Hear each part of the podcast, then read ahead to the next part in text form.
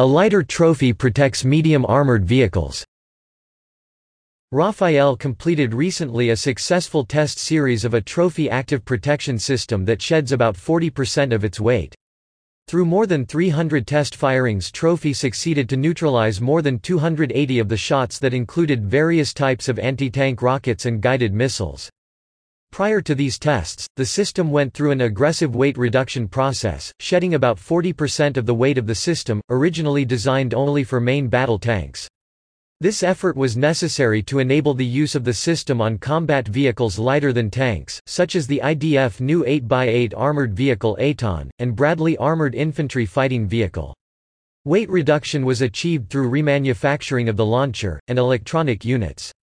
The test series was conducted in southern Israel on a turretless U.S. Army Bradley chassis specially prepared for the program. 120 foreign officials from the U.S. Army, NATO members, and allied countries attended the final event and witnessed the live tests. Several hundreds of trophy-equipped vehicles are already operational with the Israel Defense Forces since 2011. Rafael is on contract to deliver more systems, bringing the APS-protected vehicles in the Israeli land forces to 1,000. In addition, the U.S. Army has ordered trophy systems to protect 198 Abrams tanks stationed in Europe.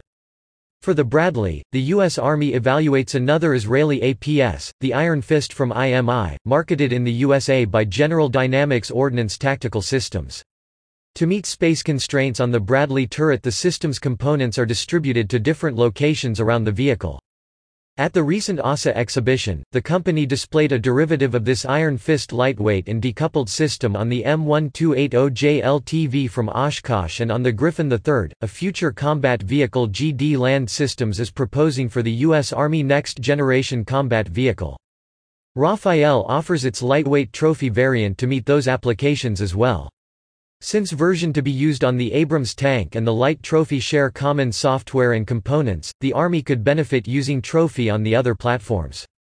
The U.S. Army has invited Rafael to integrate and test Trophy on the Stryker wheeled armored vehicle in early 2019.